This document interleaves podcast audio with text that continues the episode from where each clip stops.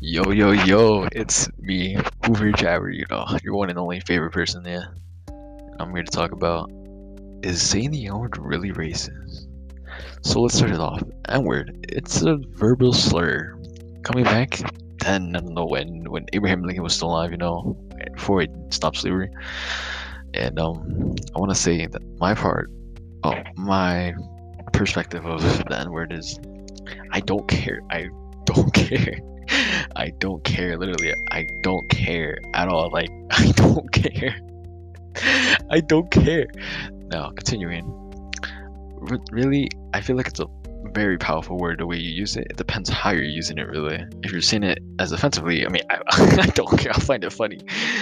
But it depends if you're really racist and you're saying it in a racist way. I- I'm not gonna find it. I'm sorry, I'm not even laughing on purpose. This is all purposely. I'm not laughing seriously. I do not laugh like that. I am forcing my laugh just to.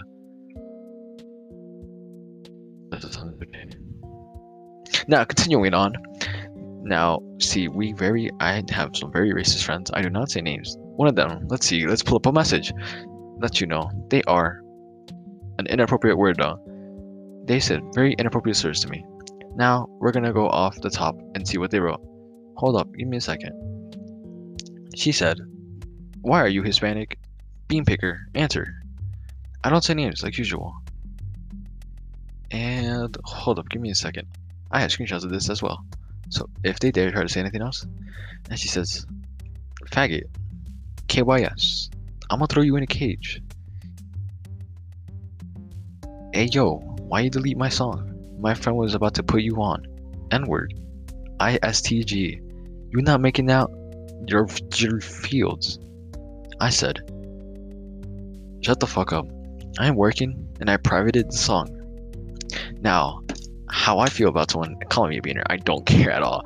Just this person specifically, they're annoying. I don't like them. I mean, they don't get the pass. They don't get the pass to call me a beaner because they said it wrong completely. Like, I'm not a beaner. I'm specifically a wall jumper, immigrant, green card user, and a bunch more.